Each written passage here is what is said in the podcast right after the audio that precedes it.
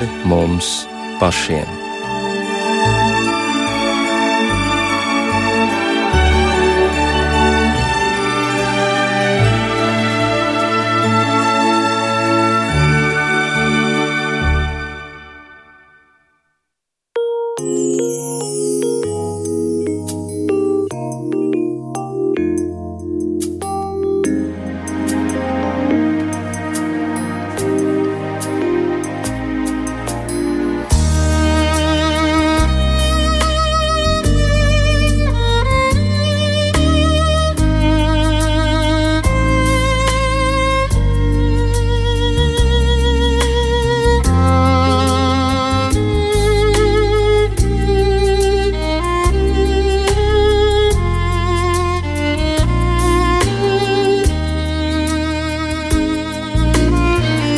Labvakar! Studijā Rīta Brunēvica tiekamies raidījumā pāri mums pašiem. Par skanējumu rūpējas Matiņš Paeglis.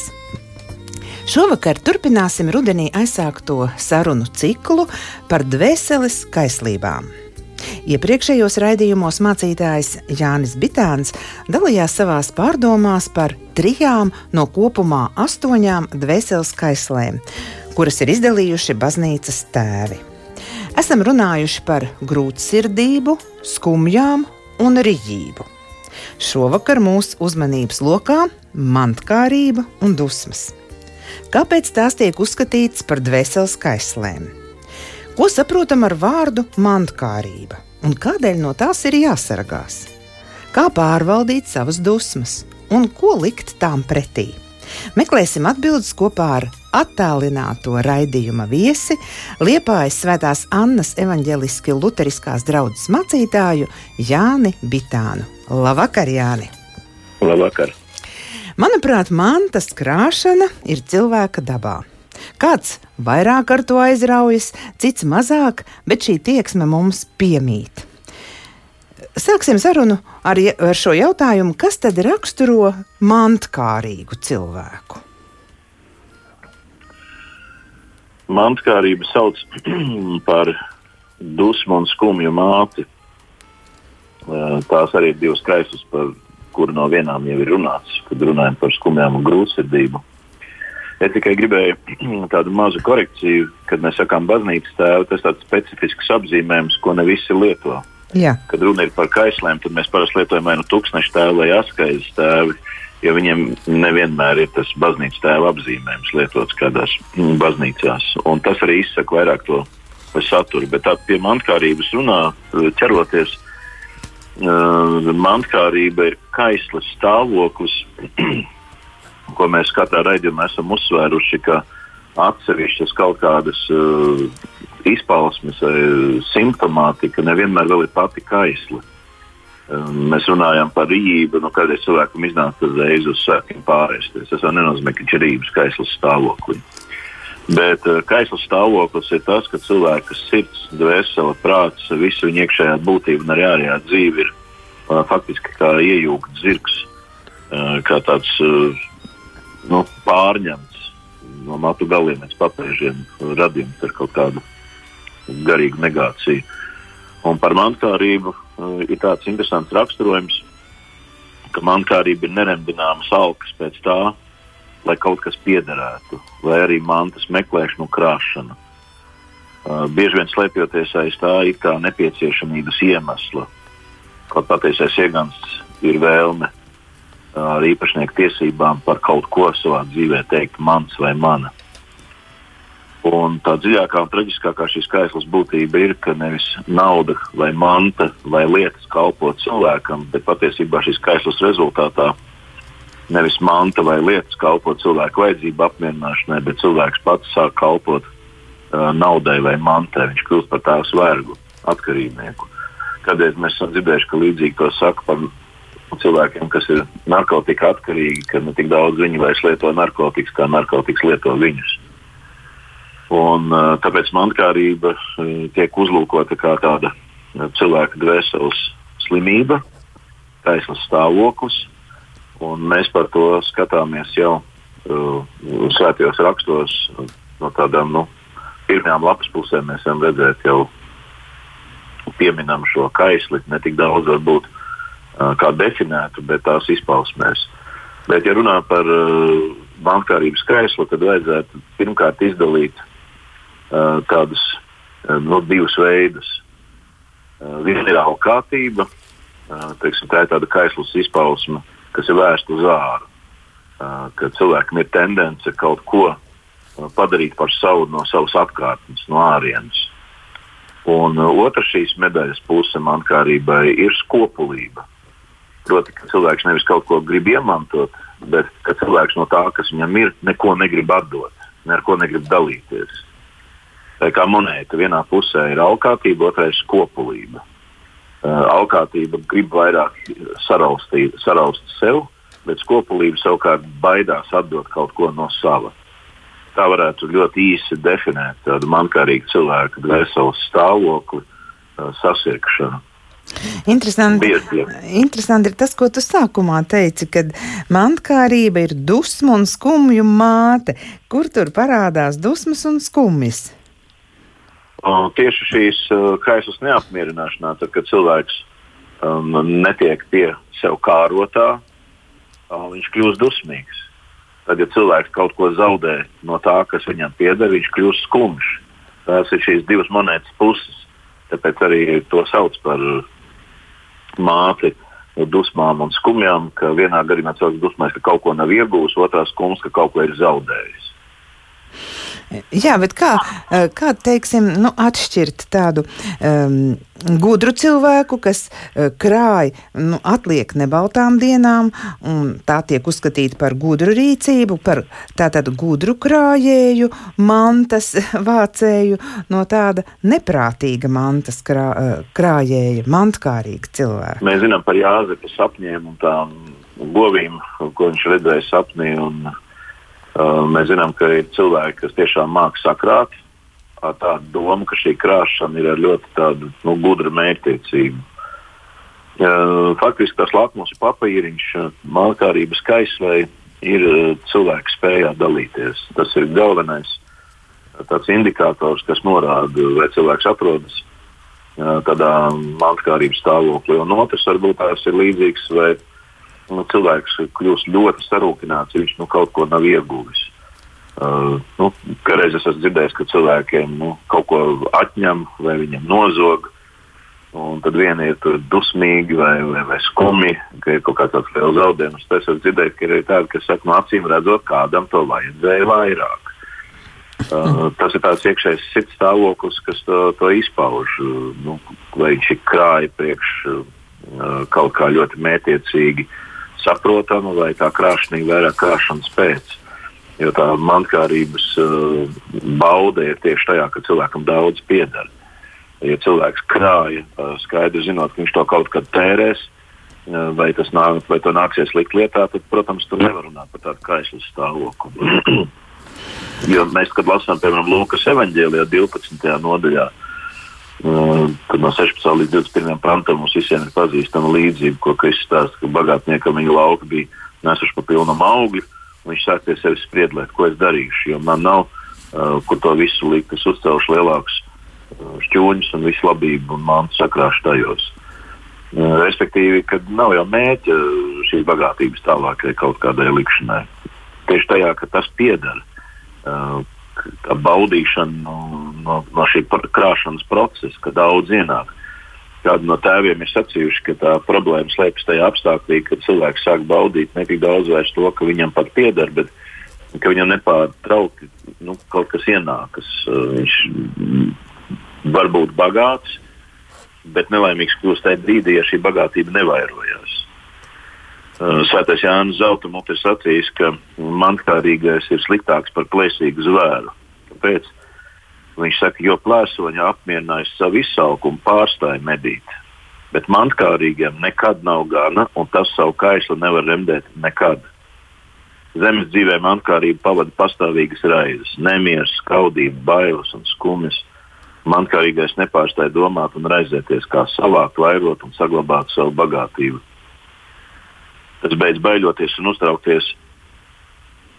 Tas beidz baidoties un uztraukties, ka tikai ar viņu īpašumu kas nenotiek. Tas skumst par to, ka vēl iemantojas tik maz no viss, ko varētu saraust, un tam skauž citu rīcībā esošais. Svētais uh, sirdsskaidrējs Dorotē ir sacījis tādus vārdus: ja negribi kļūt nervos un ļaunatminīgs, tad nepieķeries lietām un neropējies par tām pārāk daudz. Un tie ir tādi tēva norādījumi attiecībā uz mantas uh, kaislas uh, pārņemtu dvēseles stāvokli. Tātad mankārīgs cilvēks baudu gūst no paša procesa. Gan, gan, jā, no, gan no tā, ka viņš var apstaigāt, kā mēs nu pat lasījām Lūkas evanģēlijā, līdzībā par bagātnieku un aplūkot savas bagātības un baudīt to esamību, gan, vienlai, gan vienlaicīgi arī baudīt no tā, ka nemitīgi var uh, kaut ko vēl iemantot. Nu jā, tātad acīm ir tīkams tas, tas daudzums, jā, kas viņam ir. Tieši tā. Jā, tiem, kam interesē dieva vērtējums par cilvēku, tad svētajos rakstos Dievs, es tā lasu, ka Dievs nevērtē cilvēku pēc ārējā stāvokļa un arī pēc mantiskā stāvokļa. Nē. Tad pēc kā tad viņš vērtē cilvēku? Uh, Dievs neuzlūko cilvēku pēc viņa vaiga taisnību. Dievs pazīst uh, sirdis un domas. Mēs jau par mantu ļoti labi zinām evaņģēlīju, tiem pantiem, kuros ir Kristus vārdi ietērpti. Uh, proti, ka tur, kur ir tava manta, tur būs arī tavs sirds. Uh, ja cilvēks ir turīgs un viņa manta kalpo, mēs nezinām, debesu valstības celšanai, tuvāko cilvēku labumam, uh, tad kāda vaina šāda cilvēka bagātībai. Ja savukārt cilvēks no augšienes ir svētīts un bieži vien pats nesaprot, ka svētīts tieši tam dēļ, lai pats nopelnītu algu debesīs ar to daloties un to nespēj saprast, nu, tad tas ir bēdīgais stāsts.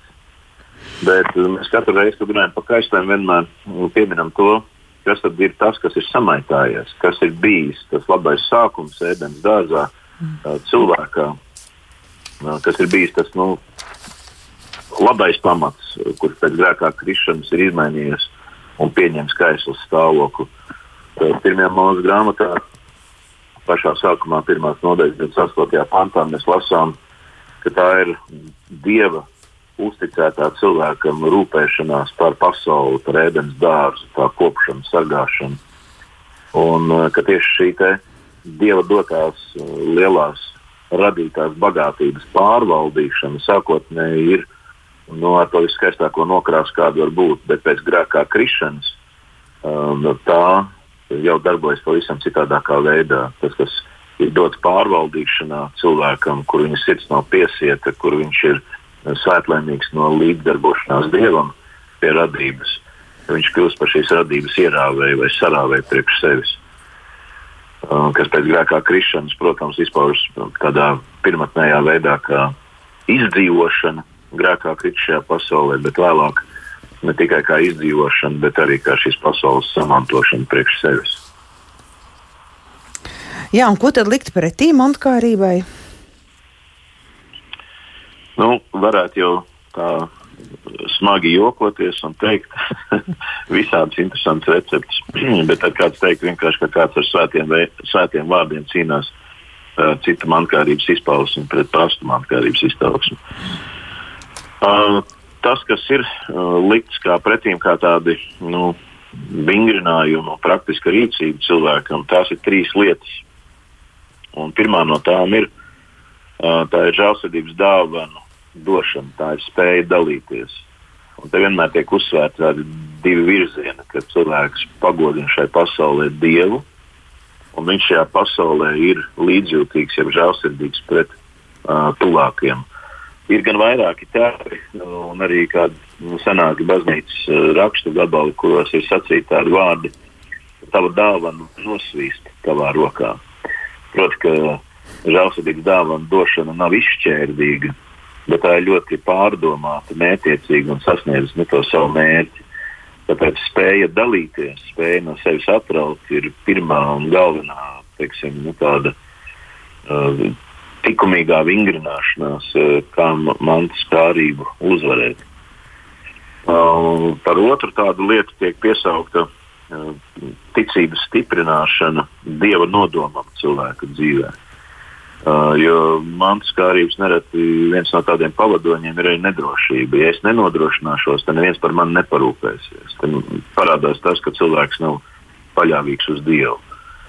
Uh, Nereti cilvēki arī mēdz teikt, ka par sevi iepazīstinot, par sevi saka, iepazīstoties ar kādiem. Es esmu cilvēks, kurš sevi radījis pats. Nu, kādreiz to nesaku tik rūpīgi, bet mazliet uzskaita savus grūtos jaunības gadus, dzīvošanu kopmītnēs, badā, pirmo biznesu garāžā. Un tad šīs dienas miljardus, bet patiesībā cilvēks ne tikai ar tiem nedalās, bet arī dalās ļoti merkantīlos nolūkos. Uh, teiksim, mēs ļoti labi zinām pasaulē ļoti pazīstamo, jāsaka, gan pēdējās filantropu Bill Gates, kurš ir izcīnījis savus uh, miljardus, nevis miljonus. Un, un kur faktiski viņš ir gatavs investēt savus līdzekļus potēs, tajā pašā laikā, kad es sajietos, viņš saka, ka nu, nav labāka ieguldījuma pasaulē, kā likt naudu potēs. Nav labāka biznesa par to. Uh, Tāpēc vienmēr ir jālūkojas, lai spēja dalīties, vai viņi tiešām ir tādi nesautīgi, ja spēja dalīties, ir atkal kaut kāds šīs uh, mantkārības jauns aspekts vai kaut kāda nu, viltīga šķautne. Tātad tā otrā lieta ir uh, savas, uh, savas tādas ticības un pārliecības nostiprināšanā uz, uz Dieva pārredzību cilvēku dzīvē. Ka nekas nenotiek bez Dieva ziņas. Ka gan bagātība, kas nāk pie cilvēka, gan arī uh, kādi zaudējumi. Viss notiek ar dievu ziņu. Un trešā lieta, cilvēkam vienmēr tiek pieminēta, un tas atkal sasaucās ar to, ko mēs lasījām Lūkas evanģēlijā pirms mirkļa.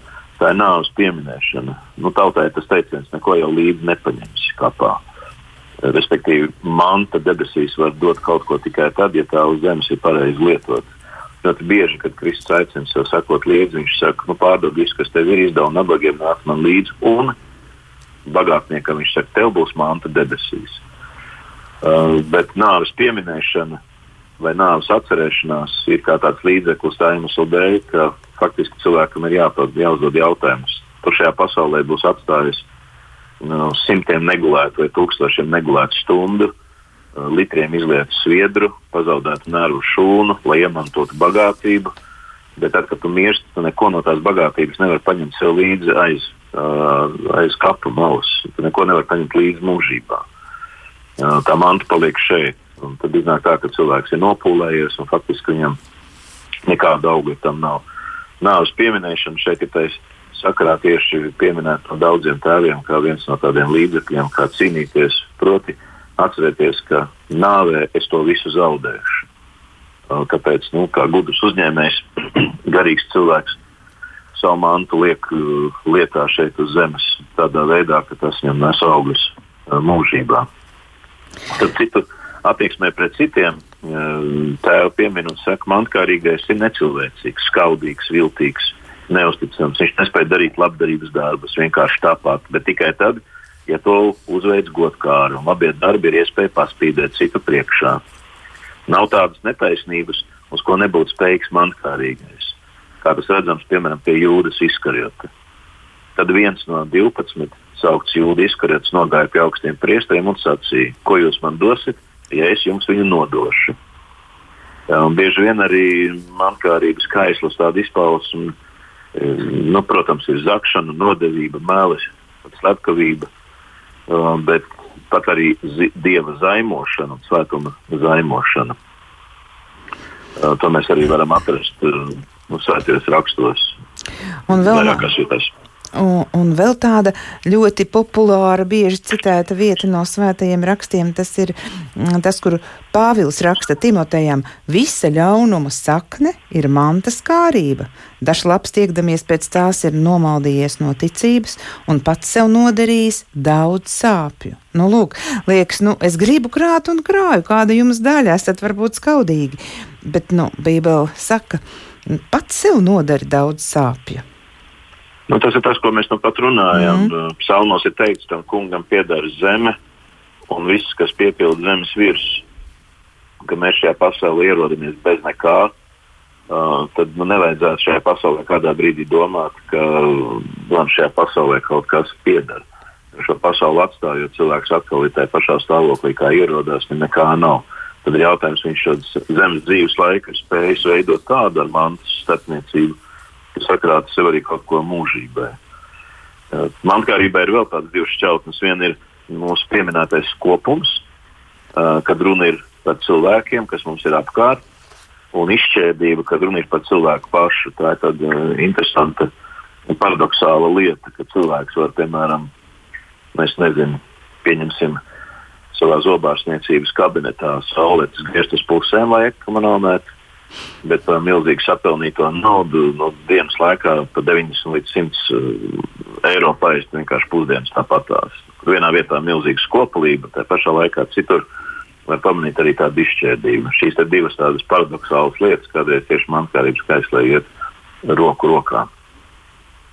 Mm, jā. Nu, jā, un arī jau raksta mums saka, ka nu, krājiet mantas debesīs. Protams, kas tās nu, tā ir? Tā labā mantkārība. Būt mantas kāriem uz debesu mantām. Nu, tas jau ir tā apsveicami atkal.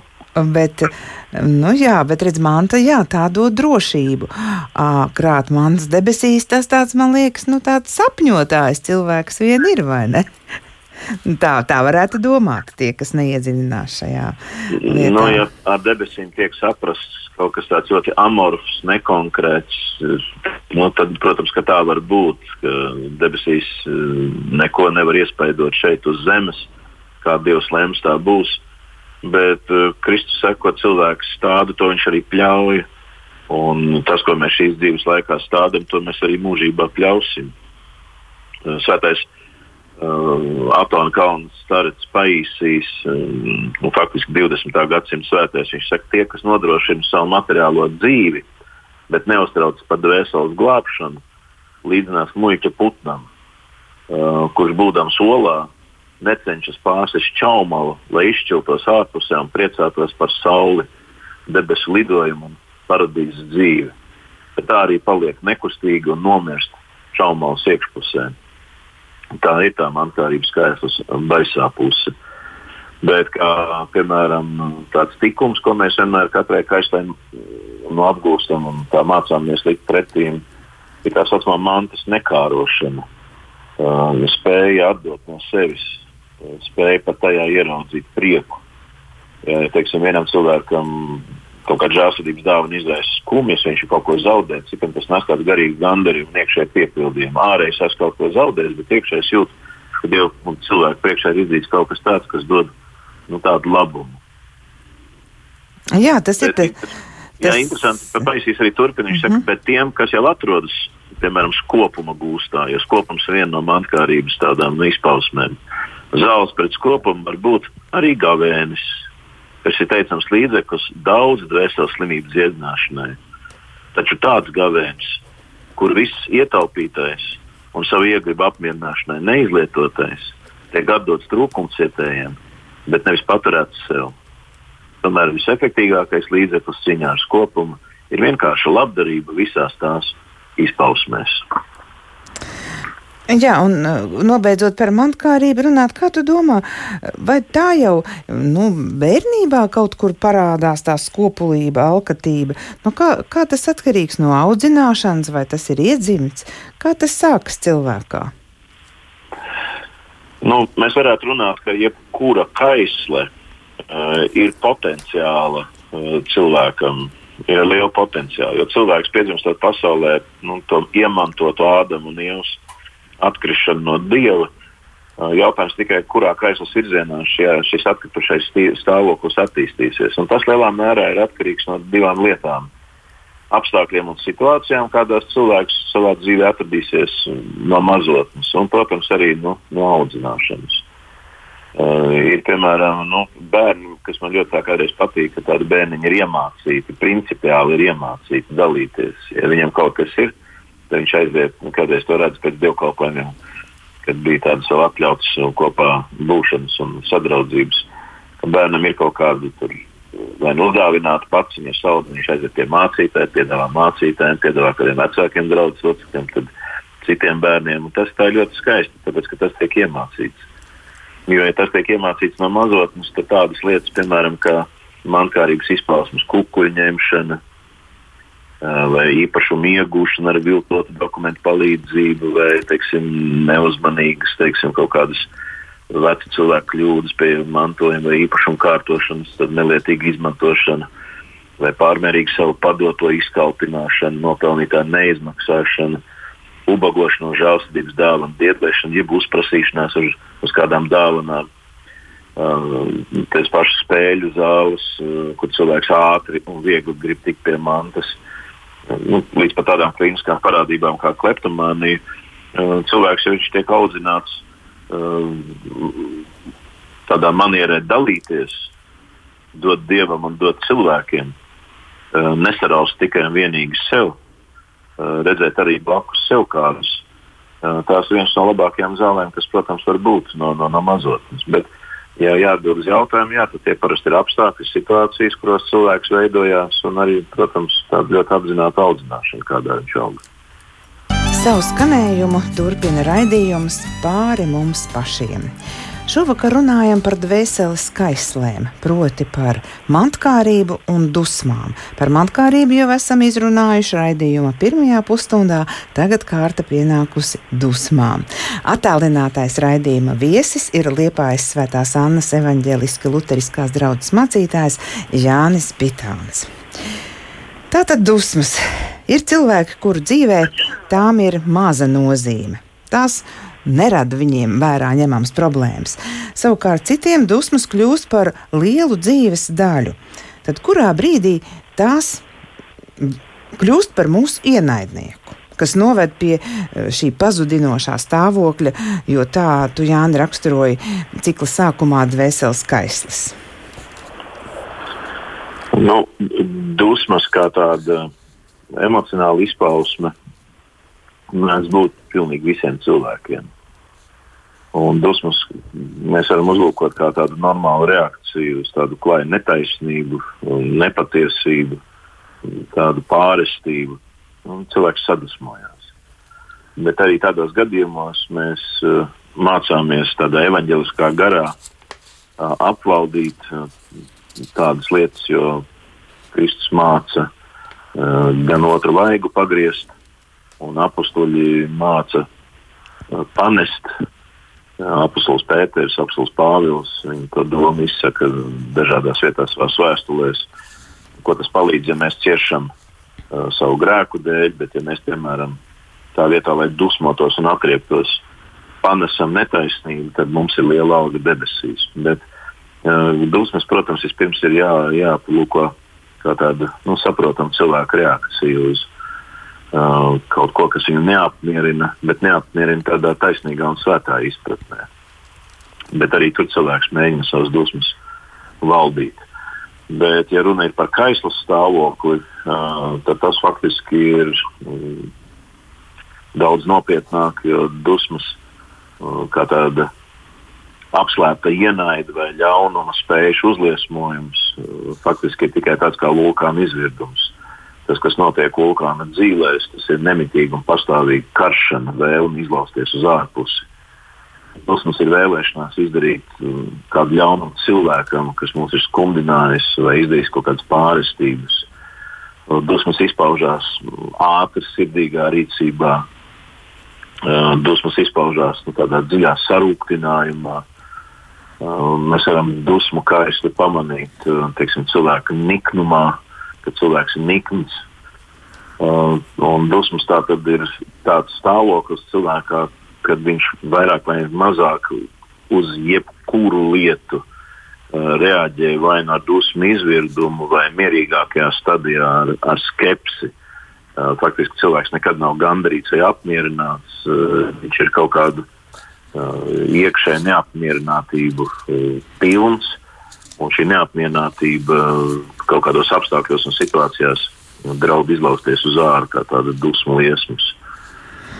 Nu, jā, tā, ir, tā ir, ka reizē mūsos uzkrājās tāda iekšējā spriedze, ka, ka tas nu, laužas uz āru, kaut kas ir jādara. Jā.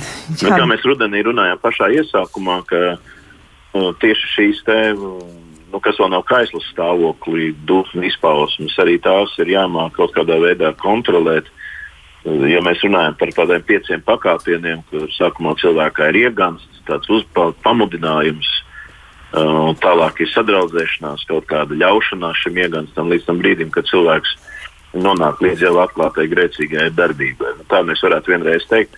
sadusmojos, izlauzās. Bet, ja tas notiek tā ļoti regulāri, tad mēs runājam, ka tieši šāda te, nu, nespēja apvaldīt uh, cilvēkam sevi vienā, otrā vai trešā jomā ar laiku arī kļūst par kaislu šajā jomā. Uh, cilvēks iemācās iemīdīt tādu taciņu pa vienu to pašu ceļu. Un tad jau tas vairs faktiski nav tāds vienreizējs gadījums, bet jau pastāvīgs cilvēka dvēseles stāvoklis. Tāpēc Svētais Antonijs lielais saka, dusmu, naida, niknuma, nosodīšanas gars samaitā visdziļāko ticību. Vienīgi piedošanas un mīlestības gara pārņemtajā nonāk Dieva gars. Un tālāk viņš saka tieši par šo lietu, ko nu pat pieminēja, par to ieganstu, uz kura pamata ir uzaugt liels dusmas, kā mežs aizdegas no vienas mazas dzirksteles, nopostot ne tikai laukumu sūnās, bet arī simtgadīgus kokus, zvērus un putnus. Tā vismazākās pieļautās dusmas izpost visu apkārtni, atcelt niknas domas, kārdināšanas, atcer strīdus, skaudību, neiecietību, riebumu, ļaunas valodas, rāšanos, nemieru, dvēseles pārgurumu, pat bojāēju. Naids apgrūtina miesu, kā saindēts ēdiens, un var arī nonāvēt, jo nevar būt vesela tā miesa, kurā garš ir kļuvis spitālīgs. Viņš saka, neesiet ļauni un cīnieties pēc mocekļa un svētos sirds vientiesīgas pacietības un piedošanas gara, jo vienīgi tas dvēseli un miesu padara neievainojamu. Jā, un, un kā jau mēs te konstatējām, tu teici, ka dusmas tā ir tāda, nu, viena no cilvēka pamatemocijām, normāls arī stāvoklis, ka mēs savu reizi dusmojamies. Un tad, nu, atšķirsim vēlreiz, kad tā ir kaisle un kad tas ir normāls stāvoklis. Es sapratu no tavas stāstītā, ka tad, ja tas notiek regulāri, jo mums, mums jau dzīvē skumdina nepārtraukti, un pārestības arī izdara nu šad un tad, un varbūt kādam biežāk, kādam retāk. Bet, lūk, kad tā ir kaisla un kad tas ir normāli sadusmoties? Nu, kā par jebkuru kaislu, arī par dusmu kaisli var runāt uh, tieši tādā veidā. Uh, proti, ka tas ir tāds pastāvīgs cilvēks, tāds iekšējs uh, iekaisuma stāvoklis, kad cilvēks ir tādā iekšējā neapmierinātībā. Uh, viņai ir potenciāls kādai agresijai, neiecietībai, ātrsirdībai.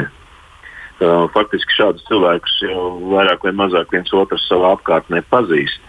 Uh, no tādiem cilvēkiem parasti ļoti vairās, nu, negribas runāt. Jā. Kādreiz liekas, varētu vienu un to pašu lietu paprasīt vienam cilvēkam un otram cilvēkam. Vienam to ir viegli paprasīt, otram ne. Kāpēc? Tāpēc, ka liekas, ka viņš uzreiz reaģēs dusmīgi. Tāpēc, ka viņa pastāvīgā reakcija ir vai nu neapmierinātība vai dusmas. Tādā veidā mēs tādu ārēji ātri varam izšķirt, kur ir runa par kaut kādu dusmu kaislu stāvokli. Uh, ka cilvēks pastāvīgi atrodas tādā saērcinātības uh, nu, stāvoklī. Bet, kā jau es pieminēju, tad nu, visas šīs lietas nāk ar zināmu attīstību. Jo tās reizes, kuras mēs varam saukt par tādu dabisku dusmu izvirdumu, ja tās paliek nekontrolētas un tās vienmēr iet savu ceļu, nu, tad agrāk vai vēlāk var runāt arī par tādu dusmu kaislas iemantošanas stāvokli. Un ir arī tā, ka tiem cilvēkiem, kas dusmojas, viņi paši reizēm ir nelaimīgi, jo pēc tam viņiem rodas vainas izjūta. Un, un arī ar nu, to ir jāsadzīvo. Ir vainas izjūta, ir neapmierinātība ar sevi, visdažādākā veida tā saucamās dvēseles paģiras, uh, kuras cilvēki izdzīvo, tāpat kā alkoholiķis izdzīvo, un tad, lai cik būtu bijis slikti, liekas ne mūžam vairs un nekad, un tomēr atkal kārojās atkal krist atpakaļ tai savā padevībā šim iekšējiem saicinātības un iekaisuma stāvoklim. Bet ir ļoti interesanta lieta, ka kādreiz liekas, nu, ko man maksās cīnīties ar dusmām, vai man ir kāda nozīme vai jēga. Tad, piemēram, telefons vientuļnieks, viņš saka tādus ļoti tādus uzmundrinošus, manuprāt, vārdus. Mēs vēl runāsim par līdzekļiem, ko liek dusmām pretīm. Bet viņš saka tā, tiem, kuri ar neatlaidīgu darbu ir spējuši sevi uzvarēt lielas dusmas, kurās ir bijuši līdzīgi plēsīgiem zvēriem. Tie, kas to ir spējuši, saņems moceklības vainagus, bet tie, kas jau piedzimuši lēnprātīgi, par to nesaņems neko. Tad, uzlūkojot nākotnes godības vainagu, pacentieties savu kaisli pārvarēt. Um, Telefons vientuļnieks šeit salīdzina cilvēku, kurš cīnās ar dusmām, un tas tiešām ir ārkārtīgi tāds, nu, ļoti grūts notikums cilvēku dvēselē. Tas prasa ļoti daudz, ko viņš saka, mocekļu vainags. Ja, piemēram, moceklis cieš lielas ciešanas, kaut kādā laika sprīdī atdodot savu dzīvību vai savainojot savu miesu un, un dzīvības spēkus, izciešot kādu moceklību Kristus dēļ, tad cilvēks, kurš ir kā tādu plēsīgu zvēru cīnījies, apslāpējot uh, dusmas savā sirdī, apslāpējot savas dusmas iekšienē, uh, viņš saņems mocekļa vainagu. Nu, tādu viņš dod interesantu nu, salīdzinājumu. Man liekas, ka tas ir ļoti, ļoti vērtīgs tiem cilvēkiem, kas nu, domā, ka viņi nekad ar savām dusmām netiks galā un kāda nozīme tās ir apvaldīt. Jo man arī kā mācītājiem ir nācies dzirdēt, ka cilvēks saka, nu, ko tas līdz, ka es ārēji apvaldos, bet iekšā viss man trīc. Tad te lūk ir uh, vēl viena tāda tēva pamācība, kuras saka, ka dusmas vispirms apslāpējam uz savām lūpām. Un pēc tam mēs tās apslāpējam savā prātā un savā sirdī. Un tad, kad tās tādā veidā un kārtā un secībā tiek apslāpētas, tad cilvēkam ir cerība nonākt pie tāda mierpilna dvēseles stāvokļa. Mm, jā, tiešām tā labs salīdzinājums nebija dzirdējis par mocekļa vainagu. Tad es varu iedomāties, cik ļoti smaga ir šī cīņa, kas notiek cilvēkā, kurš mēģina apslāpēt dusmas.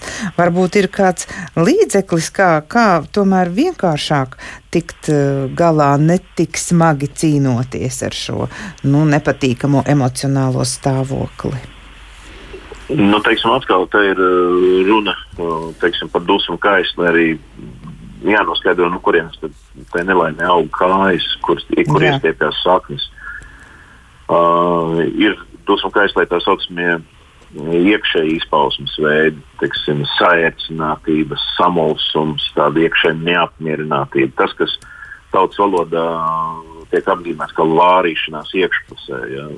ārienu varbūt to mazliet nodod Bet tad ir arī dusmu kaislēta ārējā izpausme, kad ja, cilvēks vienkārši met visu uz laukā no sevis. Eh, tie ir vārdi, kas no viņa lido uz citiem cilvēkiem, un beidzot ar priekšmetiem, nereti asiem, kas lido uz citiem cilvēkiem. Tad ārēji tāda dusmu izpausme. Un tad vienā gadījumā teiksim, cilvēkiem ir jāmeklē, kā tikt galā ar savu iekšējo tādu dvēseles stāvokli, un otrā gadījumā viņam ir vienkārši jāmācās ārēji sevi apvaldīt. Un tur gandrīz vai jārunā ne tik daudz ar garīdzniekam, kā kādam psihoterapeitam, kā cilvēkam vienkārši iegrožot savas agresīvās ārējās izpausmes, vai tās būtu vārdiskas, vai ar žestiem, vai vēl kaut kādā veidā. Lai gan uh, jāpiemina, ka ir tā saucamās svētās dusmas, uh, kurām vajadzētu būt pret demonu pasauli, Mēs mūsu kungu redzam svētās dusmās ar pātagu izstaigājumu templi, tad, kur ir lūkšana vieta pārvērsta par tādu nu, laupītāju bedri.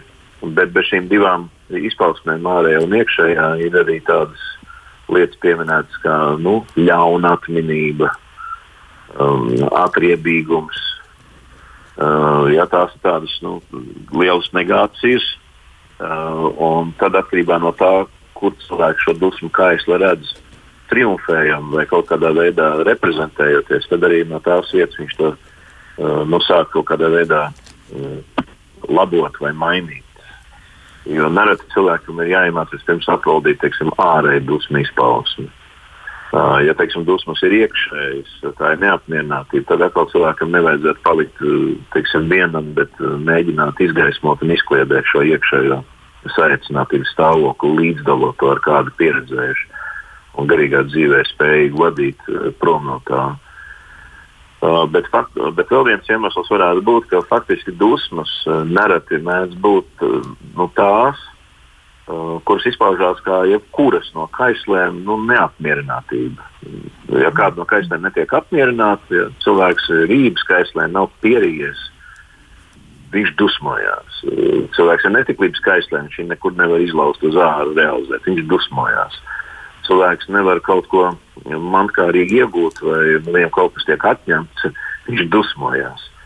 Um, cilvēks nesaņem savu godkāres daļu, viņš dusmojās. Un tā tālāk, tā tālāk. Mēs tie katrs skaistums varētu atrast. Kādreiz jāatrod, kas tad ir šo dusmu iemesls, no kurienes šīs dusmas cilvēkā ceļas, uz ko tās reaģē. Tas varētu būt sākums, ja mēs runājam no par tādu dziedināšanu. Bet jāatcerās arī atkal, uh, kas tad ir bijis tas labais iesākums, kas ir samaitājies, kas ir tā labā lieta, kas ir bijusi cilvēkā no sākuma ielikta, kas pēc grēkā krišanas ir pieņēmuši šādu kaislus stāvokli. Un patiesībā te mēs varam runāt par tādu, kā lai pasaka, dedzību uz Dievu, uh, kur iziet no rūpēm par pasauli. Uh, tas, kas ir Ādamam uzticēts, pazīt Dievu, būt ar viņu tuvībā, kopā ar Dievu līdzdarboties viņam uzticētajā pasaules dievišķošanā, dievišķošanā iekārtošanā, sargāšanā. Un pēc grēkā krišanas, tas, respektīvi, šī dedzība arī pārkļūst par šo dusmu reakciju. Tā labā dedzība ir kā uguns, kas vairs nedeg tajā vietā, kur tā jādeg, bet tā deg pilnīgi nevietā, nodedzināt visu, kas ir vērtīgs vai labs. Un, ja mēs runājam teiksim, par tādiem līdzekļiem, ko mēs liekam pretī, nu, dažādi ieteikumi no tēviem, pat vairāk varētu sacīt. Uh, viens no tādiem uh, ir, ko tēvi saka. Tas varbūt pirmajā brīdī liksies pārsteidzoši, bet viņi saka, atturība ēdienā. Respektīvi, hmm. ka cilvēkiem ir jāmācās ar tādām mazām lietām sevi savaldīt, proti, ar pavisam ikdienišķām. Otra lieta, ko tēvi saka, viņi saka, tā ir iemācīšanās klusēt ar lūpām pie satrauktas sirds vai nemierīga prāta. Tā ir iemācīšanās klusēt ar lūpām. Jā, daudzās vietās mēs redzēsim maskēzes, tādas cīkstoņas. Viņi saka, prātu nevar ātri apvaldīt. Viņš ir kā satrakojies zirgs pajūgā. Uh, bet lūpas var aizslēgt ciet salīdzinoši ātri. Tas ir fizisks notikums. Es vienkārši aizveru savu muti un tur klusēšanu. Tautā ir tāds teiciens, niekod mēlē, izskaidro līdz desmit. Bet tas nāk no šīs pieredzes. Un tad, kad cilvēks ir sev apvaldījis un neļauj šīm liesmām vairs kaut kur izlausties uz āru, tad viņš var un sāk nodarboties ar to lietu, kas viņu varbūt dedzina no iekšpuses. Tur jau savukārt ir garīgas vadības uh, nepieciešamība. Uh, bet arī pie dusmām uh, tiek pamācīta tāda lieta, kā lūgt atdošanu to priekšā, kas šajās dusmās ir ievainoti. Uh, kad cilvēks nevis vienkārši nu, pārstāja dusmoties, un gan laiks viss sadziedēs, bet uh, tieši paša cilvēka dusmu kaislas apvaldīšanas dēļ ir jāmācās lūgt uh, izlīdzinājumu to cilvēku priekšā, kuri dusmās ir ievainoti. Un vēl viena lieta, ko tēvis saka, kas jau ir tāds, nu, manuprāt, dusmu kaisls visdziedinošākajā stadijā, proti, tā ir, ir aicinājums un arī prasme iemācīties uh, lūgt par tiem, kas ir kaut kādā veidā nu, dusmu kaislē ievainoti ar vārdiem, vai ar kādiem žestiem, vai ar kādu darbību, vai nenovīdību, vai atriebību. Tad, tad cilvēks ne tikai redz tos, kuriem ir nodarījis pāri, bet viņš kā dusmu objektus sāk uzlūkot kā tādus, par kuriem aizlūgt. Jā, tad, tad nevis ar kuriem izgāzt kaut kādas negācijas, bet kurus ņemt pilnīgi pretēji tādā savā aizlūkšanas aizgādnībā. Jā, interesanti. Nu, jā. Es piedodu, pārtraucu. Tātad tas pamats tomēr tām dusmām ir dvēsele ir ievainota, vai ne? No tā nu, nevienmēr. Ne? Tā var būt arī nu, egoistiska cilvēka dvēsele ir slima. Viņa neko nav ievainota, viņa vienkārši ir slima. Viņa ir ļoti uz sevi vērsta. Un ikviena teiksim, situācija, kurā cilvēks nesņem savu ego apmierinājumu, nu, viņš dusmojās. Bet, protams, ka dusmas ir arī nu, ļoti daudzos gadījumos. Es pat varu teikt, vismaz uz pusi prevalējoši. Tas ir arī tāds ievainots dvēseles stāvoklis ka cilvēks faktiski kaut kādā veidā vietā un nevietā ar dusmām aizstāv sevi vai sargā kaut kādas jēlās vietas savā dvēselē. Mm. Bet vēl viena lieta, interesanti ir pieminēt pāri visam, kas jau ir pieminēts, tā ir tāda nepieciešamība uh, mantot vai, vai vingrināt sevi pacietību. Uh, respektīvi, ka cilvēks paciešās un novelk to dusmu izvirdumu. uh, liktas uh, apstākļu vai iekšējas savaldīšanās dēļ uh, apcīgs, tās liesmas kaut kādā veidā paliek nu, mazākas. Mm, jā, ļoti daudz vērtīgu padomu. Tātad sākums ir uh, ar savu muti. Mēs aiztaisām ciet lūpas un nelaižam ārā to, kas tur nu nāktu, ja tas izvirdums. Jā. Un tad mēs savā, mēģinām ar savu sirdi tikt galā. Un es ar domāju, ar prātu, ar savām sajūtām, jā, jo kādreiz jau cilvēks arī dusmojās, viņš tā loģiski paskaidrot nevar. Kādreiz dusmām ir tāds nosacīti iracionāls uh, pamats. Un to kādreiz ir no malas cilvēkam jāpalīdz atklāt, ka, kas ir tas iemesls, kāpēc nu, viņš kaut kādā veidā nu, dusmojās.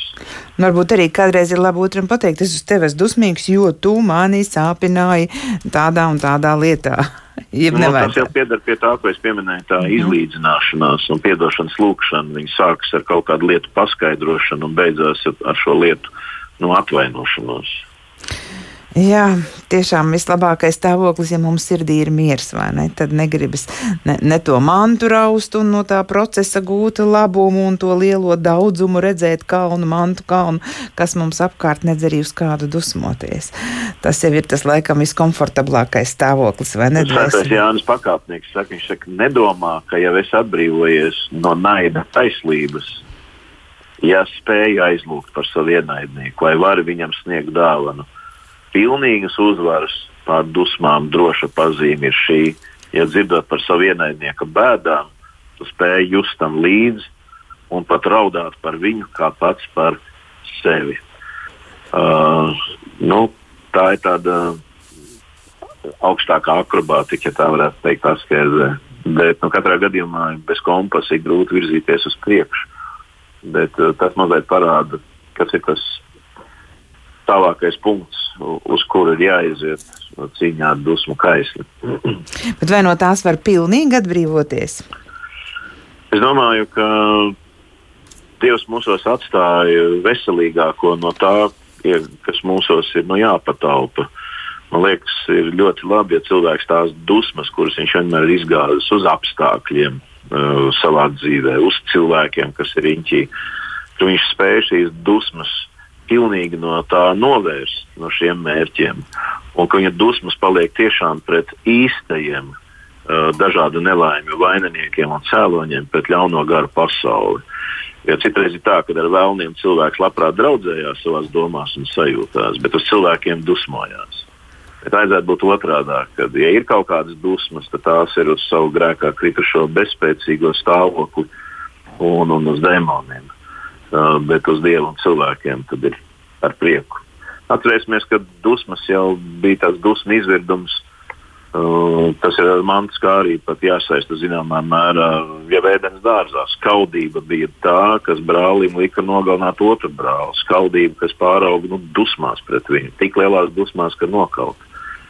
Uh, Nepavēlēt apustulis Pāvils saka, dusmojiet, bet negrēkojiet. Respektīvi, uh, ka mūsos var būt svēta pretreakcija pret ļaunumu, nesamierināšanās ar netaisnību, bet tā tad ir svēta. Jā, tad kaut kas no, dus, dus, no šīm dusmām mūsos paliek, bet tās nepazudina ne mūsu, ne citus.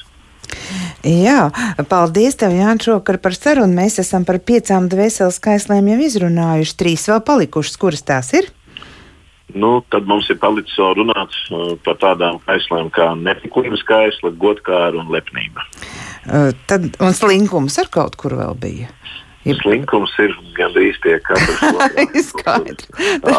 Tad, mēs nākamajā mēnesī atkal tiksimies. Lielas paldies! Es šovakar raidījumu viesis bija Liepājas svētās Annas evaņģeliski luteriskās draudzes mācītājs Jānis Bitāns. Ar viņu sarunājās Rinta Bružēvics, par skanējumu rūpējās Mārtiņš Paeglis. Ar labvakar!